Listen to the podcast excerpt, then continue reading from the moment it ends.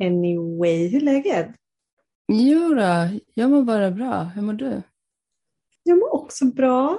Alltså jag, eh, jag har typ en supertrevlig dag här borta. Åh, oh, vad nice.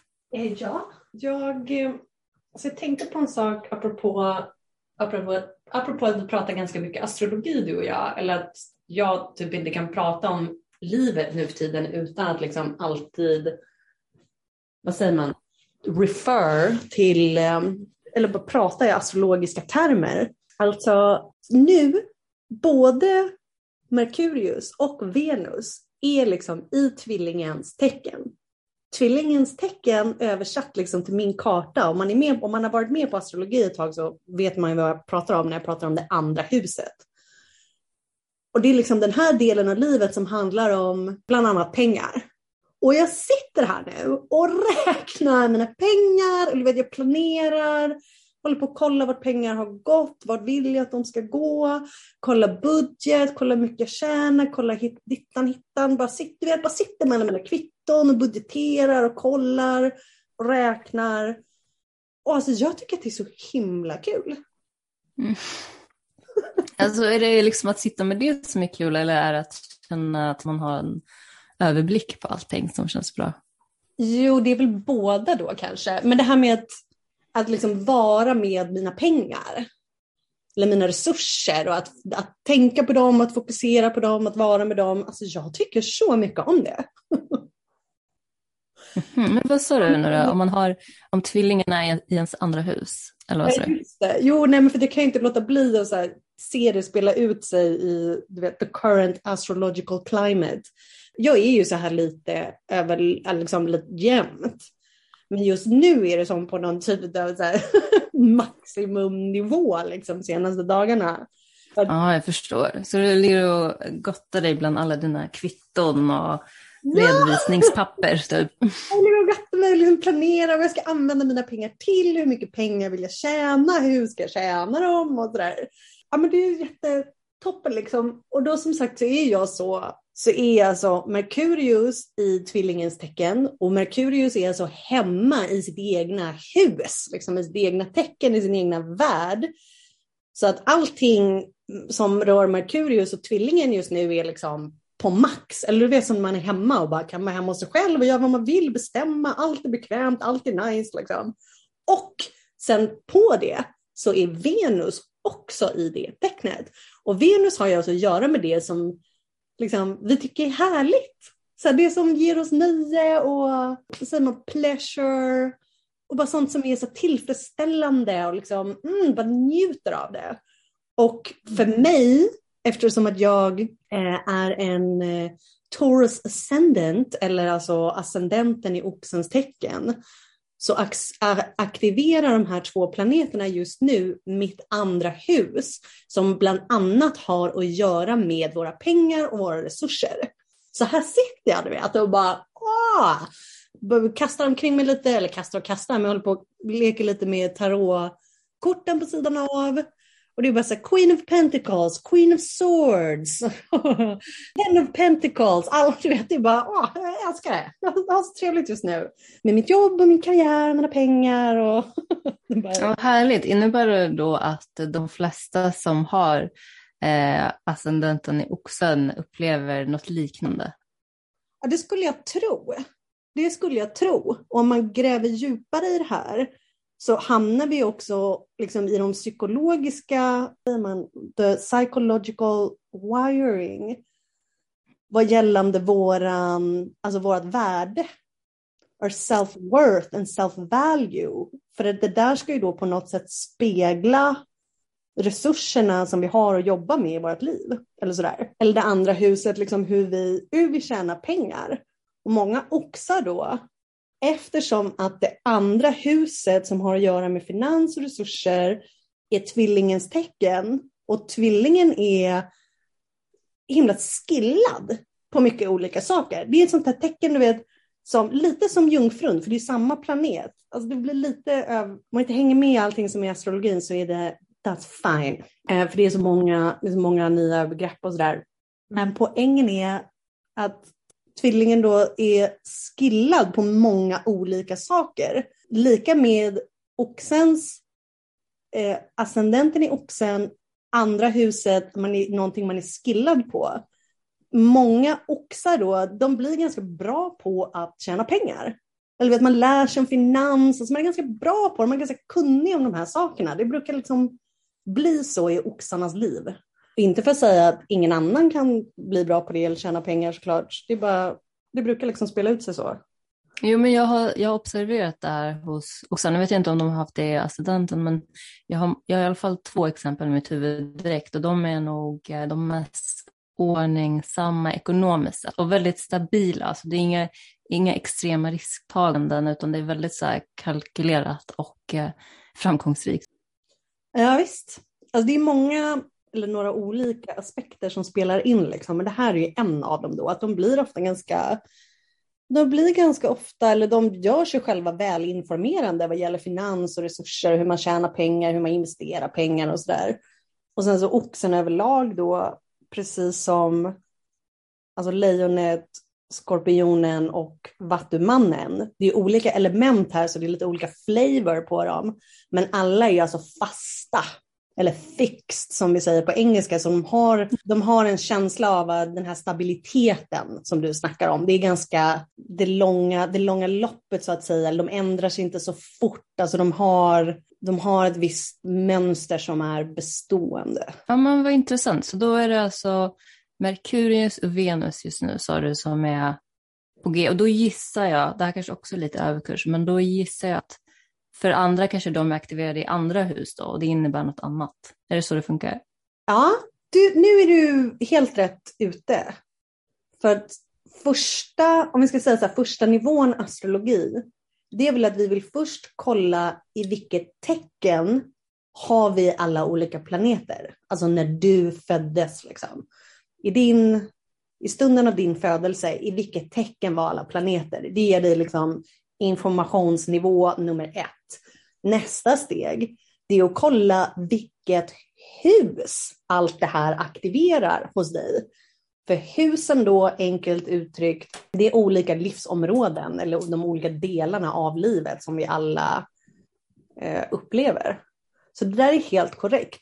Att någon annan som då till exempel har den här ascendenten i tvillingens tecken, det blir automatiskt första huset. Det, är liksom, det betyder typ samma sak. Första huset, ascendent eller rising på engelska.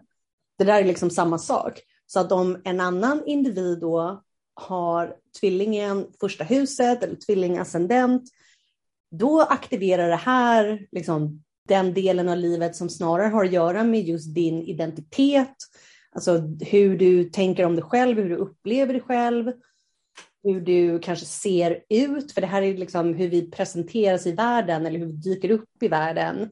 Så det här kan göra med kanske alltså din stil, liksom vad du, hur du som sagt presenterar dig själv, vad du vill ha på dig, vad du, hur du vill se ut, liksom hår eller bara din, din aura.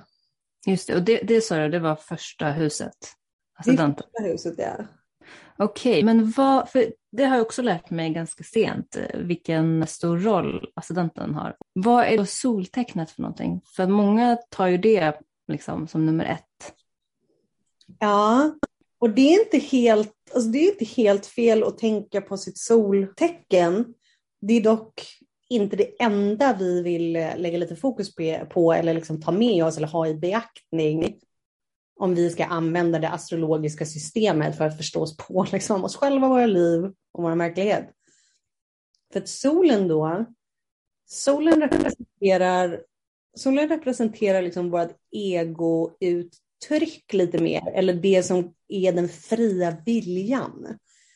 Alltså din, your conscious awareness det du, det är, ofta så pratar det ganska mycket om vår karriär också, eller vem vi väljer att bli. Det är vad vi vill göra med vårt liv. Så där har vi liksom lite mer fri vilja. Vi kan styra och bestämma lite mer. Ascendenten, alltså där snackar vi nog lite mer så här ödesbestämt.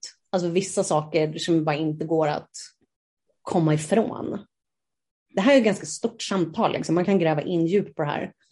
Men jag tycker det är jättebra så här, start, jättefin överblick. Jag har faktiskt skrivit i mina anteckningar så här, innan du ens börjar prata om det. Vad är det första du kollar på Point Art? Kan du ge några basics? Ja, vad härligt! Mm. Men för då är det just det att de, vi vill ha, det är liksom en trio som är de sakerna att ha mest koll på. Då är alltså ascendenten, solen och månen. Så det blir alltså ditt soltecken, ditt måntecken och vilket tecken är din ascendent. Och den här ascendenten, ett sätt till att förklara den här på som är ganska, alltså, eller som är högst beskrivande. För att på engelska så kallar man alltså det här, eh, det här tecknet också för rising sign.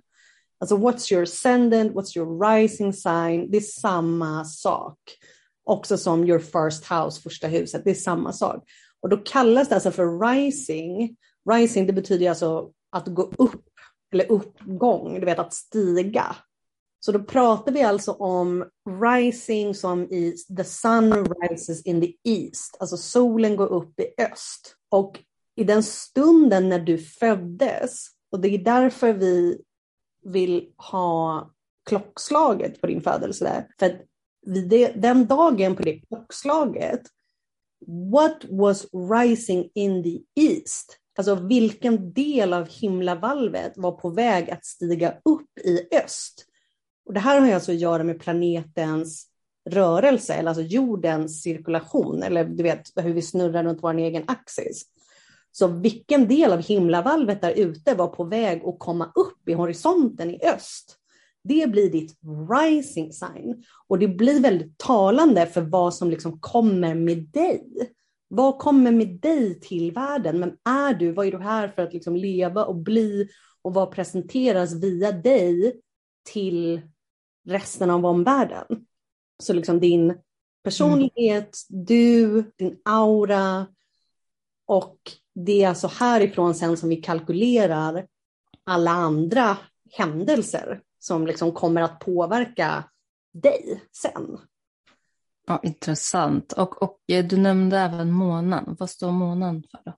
Ja, just det. Månen då, ska bli lite...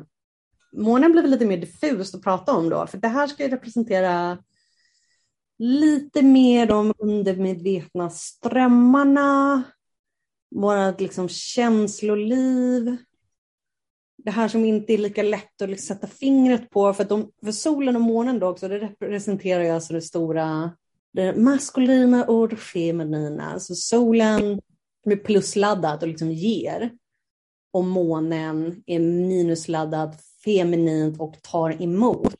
Så har just månen att göra med det som är, ja, som sagt, undermedvetet, lite mer okontrollerbart, och gärna kvinnor då som är lite mer feminint laddade känner ofta att liksom tecknet och huset där vi hittar månen är väldigt, eller beskriver dem väldigt väl.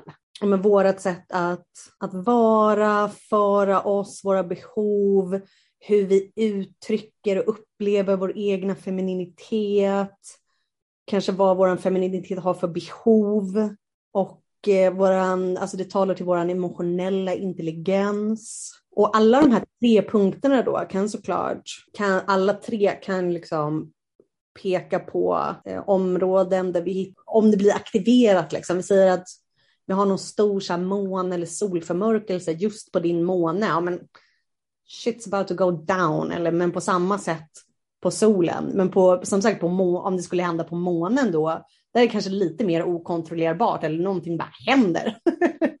Medan om det händer hos solen då, då kanske en lite mer alltså medveten utveckling som du själv kan ta lite kontroll över. Ja men gud bra sammanfattat. Jag, jag måste, eller jag vet ju mina de här tecknen men eh, får gräva ner mig lite mer i vad det innebär. Men du sa typ om det blir för, en förmörkelse och sådär. Är det någonting, eller vet du om det är någonting sånt på G snart? Nej, inte nu, utan vi har snarare precis avslutat en liten säsong med mån och solförmörkelse i april, maj. Va? Så där var det väl, där tror jag väl folk hade lite, det hände lite grejer i folks liv där då också, eller i världen. och nu har det kanske lugnat ner sig lite, ebbat, inte ebbat ut, men liksom lugnat ner sig. Och sen så kommer nästa par mån och solförmörkelser i oktober, om jag inte minns fel. Så då blir det lite intensivare igen. Men de här sakerna, alltså det är lite som en våg igen, att det, är så här, det når en punkt som är liksom högst och ganska intensivt. Och sen kanske det ebbar ut eller sänks och lugnar ner sig, men det är inte, eller det är liksom fortfarande kvar och de här punkterna eller the points of intensity, de kan ju aktiveras igen. Så det går i vågor, var väl snarare det jag ville säga, att det kanske är en, en peak, men um, det kommer, det kommer igen så att säga, det som sattes igång eller det som kanske var på väg att avslutas. Ja, men vad fint. Ja, vad fint. Och så kan jag tillägga det som en liten alltså, snabb, gud, en snabb over, overview av det astrologiska. Men jag kan lägga till det om solen och månen att solen då som är maskulint, ofta så hittar vi mycket information om individens eller våra pappor när vi analyserar solens position och liksom hur den mår vad den har för sig och sådär. Och månen, där hittar vi ofta mycket information om våran mamma. Alltså mm. kanske just om våran mamma och henne, hennes liv, men också vår relation till henne.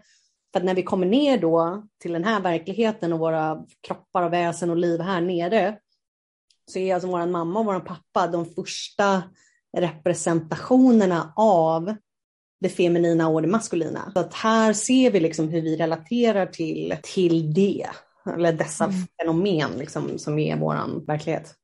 Ja, jag har nog aldrig hört den typen av uh, referens innan.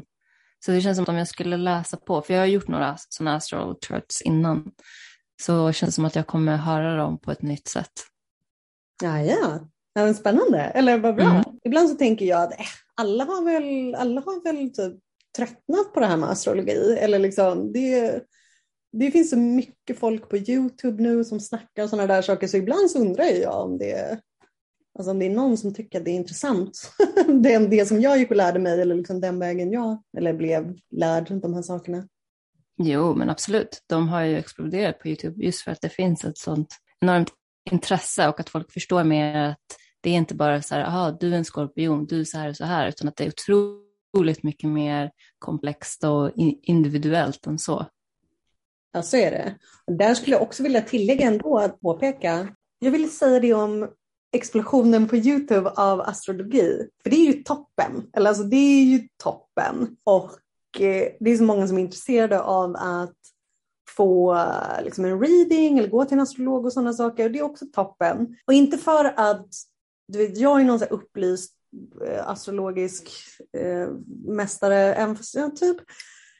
Så alltså mycket av det jag ser också, det är ju så absolut basics. Eller det är många som har Youtube-kanaler och har liksom aldrig riktigt studerat det djupare eller, eller hängivit sig någon längre period av liksom observationer och studier och sådär och att det blir, mycket, det blir mycket upprepning och det blir ganska lite liksom astrologiskt ytligt. Så där, ibland, ibland kan jag tycka att the mainstream astrology är liksom... Jag kan föreställa mig att det är frustrerande att titta på när man sitter på mycket kunskap själv. Anyhow. ja, över till uh, kärlekspratet nu. Är det något speciellt som du har på hjärtat? Nej, men då är jag först lite intresserad av att höra din sida av det hela. Snarare intresserad av vad du har haft för dig sen sist. Alltså jag har ju inte haft för mig så jättemycket. Det enda var väl typ att jag har en kusin som var över och hon, hon är på så här Bumble och Tinder och sådär. En del av mig kände direkt så här, åh jag vill också ladda ner, jag ska ladda ner Hinge eller liksom någon annan som jag inte har provat på tidigare. Jag har ju bara testat på två innan men och, och sen så vart jag så här, jag liksom scrollade igenom du vet på Google Play. Och så vart jag så här, nej, jag får så här negativa flashbacks av alla, inte frustrationer, men all tid och energi man la ner utan att få något tillbaka i princip. Så jag var så här, vill jag verkligen ge mig ut i den uh, djungeln? Så här, jag, jag tycker att ibland det känns som att det överromantiseras alltså att ens dejtingliv överromantiseras. Som att så här, det är lite så sex in the city och det är så kul och så fräscht och man träffar nya personer.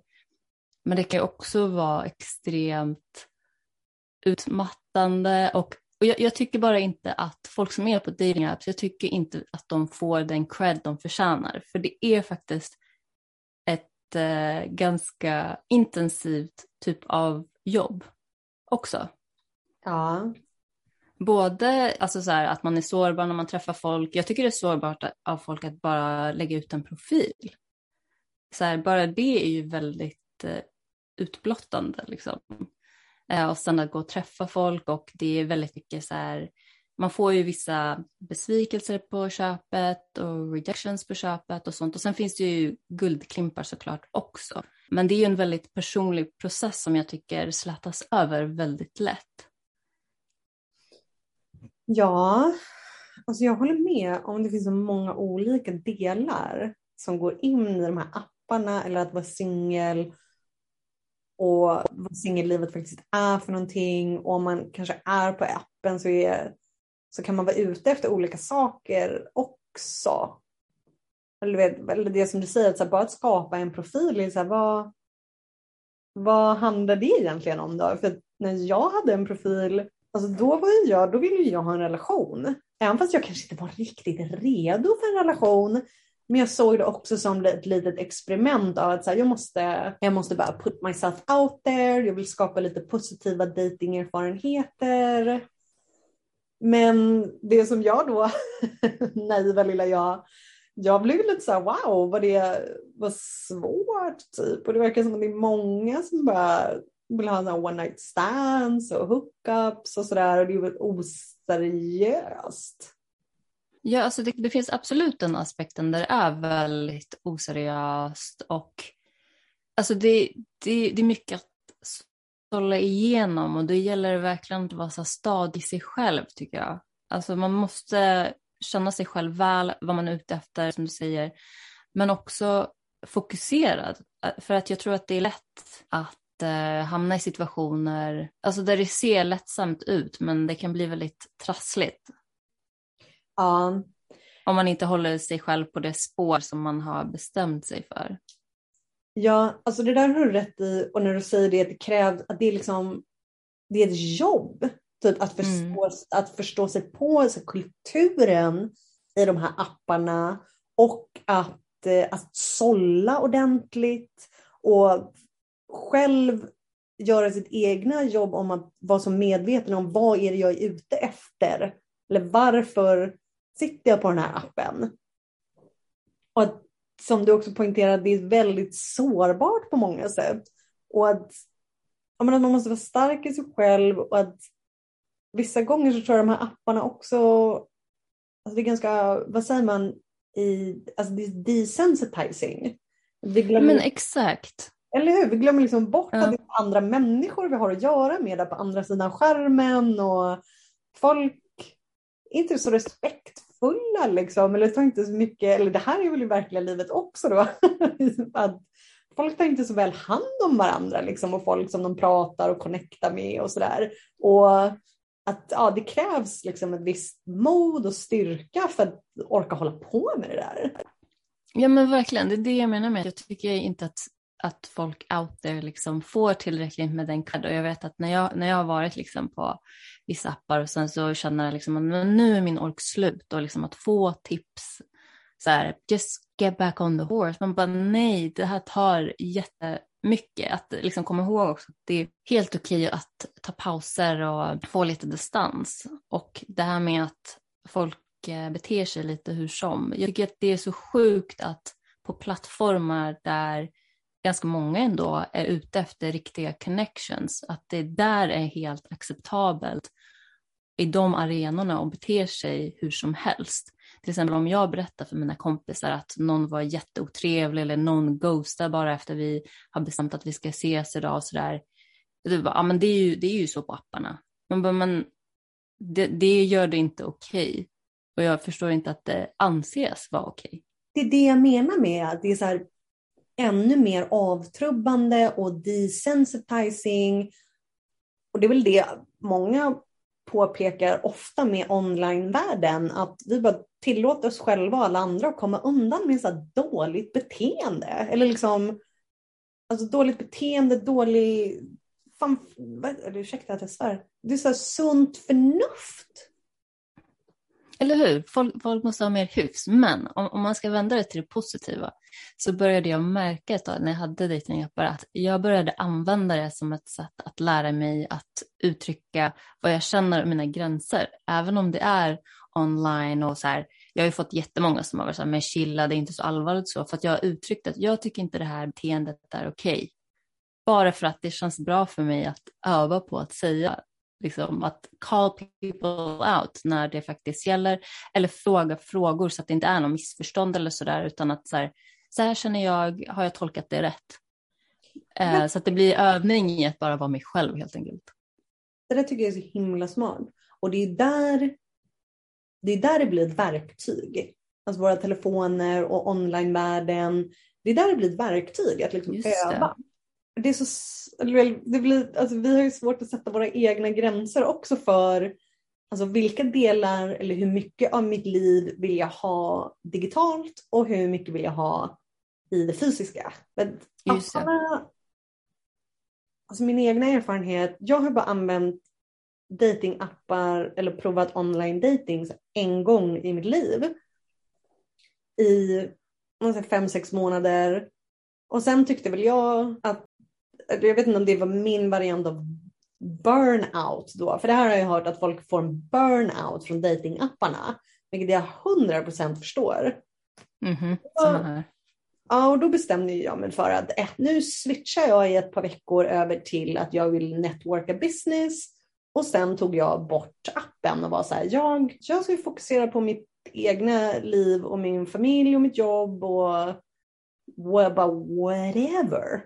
Och så typ tio dagar senare så kommer alltså mannen jag har bett Gud om springandes efter mig på stan. Du förstår du? Mm. Så det är någonstans här som jag också in, jag kommer tillbaka till att när vi är ute efter en relation, alltså det är så mycket som ska till för att vi ens är redo och öppna och klara för en relation. Så att bara det att så här, sitta och scrolla på dessa appar bara hålla på i all evighet. Alltså, jag, vet inte om, jag vet inte om det är där vi ska lägga all vår energi och allt vårt fokus. Utan jag tror ju på något vis att rätt person kommer dyka upp i vårt liv när vi är redo och när det är menat. Vi ska inte behöva mm. kämpa så himla hårt för att hitta den. Och speciellt inte om du är kvinna och är liksom negativt laddad, eh, inte negativt som är dåligt, utan bara du kan dra det till dig. Feminin energi, du kan liksom attract to you, alltså på allvar. Det är inte meningen att du ska liksom jaga och kämpa efter en man. Och inte män heller för den delen. Snarare bara att de kan väl bo, eller du vet, bör ta lite mer initiativ kanske till en början eller från första början. Mm. Ja, alltså jag, jag håller helt med om att så här, det ska inte vara jobb och slit och att det blir liksom en väldigt dryg eh, process med massa negativa känslor och, och, erfarenheter. Då är man, det om något är ju tecken på att man är, är på fel spår. Däremot det här med liksom att ja, men vid rätt tid då dyker bara personen upp. Jag har så himla mycket motstånd gällande de typer av um, liksom, tros, uh, trosföreställningar. Um, det är jättemycket också in the spiritual community, så här, it will just happen when the time is right. För jag tror att vi kan vara mycket mer aktiva i processen än så. Ett verktyg kan ju vara datingappar, men så länge man inte tror att det är det enda sättet att nå slutmålet, liksom, utan att man använder det Eh, jag vet att jag har använt det som ett sätt att bara för att kunna känna att men jag gör någonting i alla fall. Det ska inte ta över hela ens liv, men jag gör den delen jag kan. Jag, det är den delen jag känner att jag aktivt kan göra, kan göra någonting. Så att det, jag tror att det har mycket med, alltså jag tror att vi som människor är bör vara mer aktiva i vissa processer där vi verkligen vill förverkliga någonting, men inte till den grad att det flippar över och blir en negativ erfarenhet. Då är det bättre att ta en paus, ta ett steg tillbaka, analysera situationen liksom och vad vi kan göra annorlunda eller förbättra och sådär och sen ge sig ut igen. Det är absolut ingen idé att fortsätta trampa på när man mår dåligt under tiden. Ja visst. Och där tycker jag det blir lite spännande för då tror jag det handlar om hur vi definierar eller vad vi liksom menar med att vara aktiv i processen. För som du säger att mycket i andliga kretsar så är det också att det ska bara hända. Och jag håller inte heller med om det, eller det är inte därifrån jag kommer eller hur jag ser att saker och ting ska bara hända. Men om vi pratar om då att vara aktiv i processen eller göra vår del. Jag vet inte om jag nödvändigtvis tycker att vara aktiv på en dating-app är liksom rätt aktion. Eller den enda aktionen som krävs. För att okej, okay, vi kan sitta på en app och scrolla och prata med hur många människor vi vill, men har du gjort jobbet för att vara redo för en riktig relation? Alltså vet du hur du avgör om en person är rätt för dig eller inte? Har du förstått vad du själv behöver i en relation? Har du förstått vad en man, eller du vet i våran, våra exempel så pratar vi om att partnern blir en man.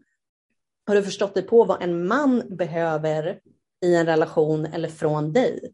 Alltså vet du hur du kommunicerar sådana saker? Har du läkt dig själv från tidigare trauman? Det är där som jag tycker att fokuset ska ligga. Och om de bitarna faller på plats eller om det jobbet görs, då kommer vi nog att träffa någon som sen passar in bra i vårt liv. För det också så här, partnern eller killen, det är sån liten tårtbit av livet. Många av oss är ute och tror att liksom en relation eller en kärleksrelation ska komma ordna allt. Och det är typ vårt enda fokus, eller det är allt vi vill ha. Vi vill bara, måste få ha sex, alltså måste få romantiken. Och vi har liksom kanske glömt eller lagt on the back burner, har inte så mycket fokus på alltså våra, våra finanser, vart du ska bo, dina barn, något jobb, dina eh, föräldrar, dina syskon, dina vänner, ditt community. Alltså ditt jobb kanske nämnde att de sakerna är så här som att de sakerna inte är lika viktiga eller inte eller att de inte räknas typ. Utan allt som mm. spelar någon roll det är att vi ska hitta någon att vara med. Absolut. Alltså, så jag tror att väldigt många av oss och kanske lite extra på kvinnor har det liksom byggts upp på det sättet och det gör att man sätter ju enormt mycket fokus på att, eh, liksom, att man, man ska hitta någon. Men som du säger, jag, jag tror även att så här, har man inte koll på sig själv eller vad man är ute efter eller vem man är överhuvudtaget genom att ha experimenterat och kanske men, testat på olika saker och eh, försökt ge sig på sina drömmar och sådana saker så tror jag även att då blir det nog väldigt svårt att kunna avgöra om en person är bra för en eller inte för att man känner inte ens sig själv på något sätt. Om man istället lägger fokus på andra aspekter av sitt liv. För jag menar till exempel för mig vet jag att när jag var sådär 28, så den åld- ja, men runt den åldern du nämnde med Saturn och sådär och det slog mig att så här, gud jag kanske faktiskt aldrig träffar någon. Och sen så la jag det åt sidan och var så här, okej, okay, that, that sucks, vad är min plan B? För jag har inte ens tänkt på så här, vad ska jag göra utan en man? Det hade liksom inte ens slagit mig innan dess. Och så vart jag så här, okej okay, jag ska verkligen tänka outside the box. Vad vill jag göra för någonting? Okej, okay, jag vill resa dit, dit, dit, jag vill uppleva de här sakerna och sen släppa allt och bara go for it. Vilket har varit världens karusell i sig och träffat jättemånga på vägen som har liksom hjälpt mig att utvecklas mer och mer och mer. Och det är ju även ett självförtroende, inte bara självkännedom, men en, hel, en helt annan nivå av självförtroende. För att sen kunna ge sig in i dejtingdjungeln på ett liksom så här, relativt stabilt sätt. bara ja. För att meningen är ju att vi ska vara hela i oss själva och sen hitta någon som liksom kan vara bredvid oss i det. Så att, Exakt. precis det som du sa, att, att känna oss själva. Det där är ju också några gamla utdrag ur Bibeln och så vidare. Know thyself. Alltså det här är ju liksom A eller O. Och att vara, Mm. alltså vara stabil emotionellt, mentalt, fysiskt och andligt. Det måste liksom komma på plats innan vi ger oss in i en relation med någon. För att om de sakerna inte är på plats så kommer den där relationen inte hålla slash du kommer inte vara speciellt lycklig eller det kommer bli toxic. Liksom, det kommer bli toxic. Precis. Så det är nog där, eller det är väl här skulle jag gissa att du och jag håller med varandra om att alltså app eller inte. Den, eller så här, den kommer inte hjälpa dig eller den kommer vara, apparna kommer varken hjälpa eller stjälpa om inte de här sakerna är på plats. Precis, och, men grejen är också som jag kom på nu är att hela dating, online datingprocessen blir så mycket klarare när man känner sig själv och alltså att man når den nivå att man på riktigt känner så här, även om jag inte träffar någon så, så kommer jag ha ett jättemeningsfullt liv hur som. Alltså når man en sån plats i sig själv, vilket är fullt möjligt, det underlättar datingprocessen något otroligt. För då, då förlorar man inget på att säga nej till folk. Man förlorar inte på att, att ja, så här, uttrycka sig, sina behov eller uttrycka sina åsikter. För att man är så pass stabil med sig själv. Det, det känns som att det är det vi är ute efter, när, det här med liksom att känna sig själv och veta vad man vill. Ja, definitivt. Jag tror också bara att min, eller den poängen som jag kanske vill göra vad gällande appar, det är klart att vi kan använda dem och det är klart att vissa har, har träffats via appar och blivit liksom tillsammans, har härliga relationer. Det är klart att det är så.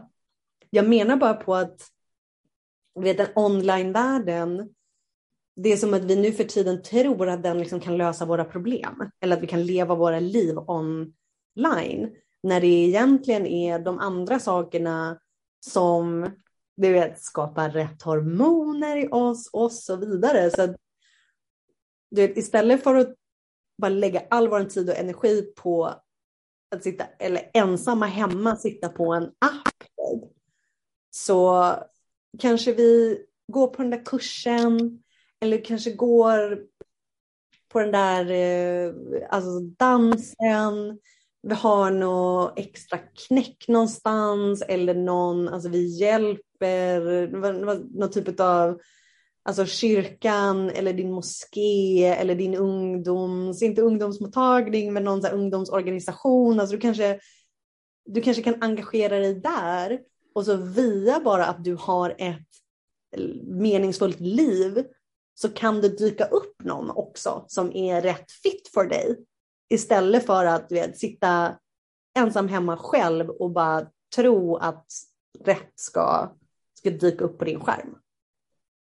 Absolut. Alltså jag, jag tror att det är lätt att glömma bort att så här, det energimässiga, alltså att integrera sin egen energimässiga aspekt i hela den processen. Så att, och grejen är, man ska inte tvinga ut sig själv och volontärsjobba för att säga då kanske jag träffar någon, utan det ska ju vara någonting som man som genuint förhöjer en. Det gör ju att man öppnas på ett helt annat sätt. 100 procent. 100 procent. Det är, den, det är det holistiska synsättet bara. Alltså jag har ju varit med om det där själv eh, tidigare när jag har varit på dejtingappar och, och så här, blir mer och mer frustrerad och då försöker jag ännu mer och ännu mer och det it's a dead road. Alltså man kommer absolut ingenstans. Det är bättre att lägga det åt sidan och verkligen investera sin tid i någonting som får en må bra. Det gör det hela så mycket lättare, lättare och mer eh, njutbart. Ja, definitivt. Om vi ska vara riktigt sådana, jag upplever mig själv som att låta så fruktansvärt neggig när det gäller de här datingapparna och det är inte riktigt meningen. Nej, jag, alltså jag tycker inte det är neggigt. Jag tycker det, det låter bara fint som att det inte är your road liksom. Ja, ja. Nej, men det är nog inte min road. Jag tycker också bara att det är så svårt. Jag vill säga att det är svårare att avgöra vem det är man dealar med. Men å ena sidan så är det ganska skönt ibland också att kunna ha alltså kunna ha the buffer av att det är online. Man kan fråga lite frågor till att börja med utan att behöva sitta face to face med den här personen och sådär. Så det är, finns plus och minus, alltså det finns plus och minus. Och det är väl därför vi här också har referens till våra dos and don'ts. Alltså för det gäller bara att kunna navigera apparna tror jag. Mm. Absolut. För att Eh, jag, jag, kan eh, säga så här, för egen del så har jag i mitt liv varit väldigt eh, bra på att avfärda folk väldigt, väldigt snabbt.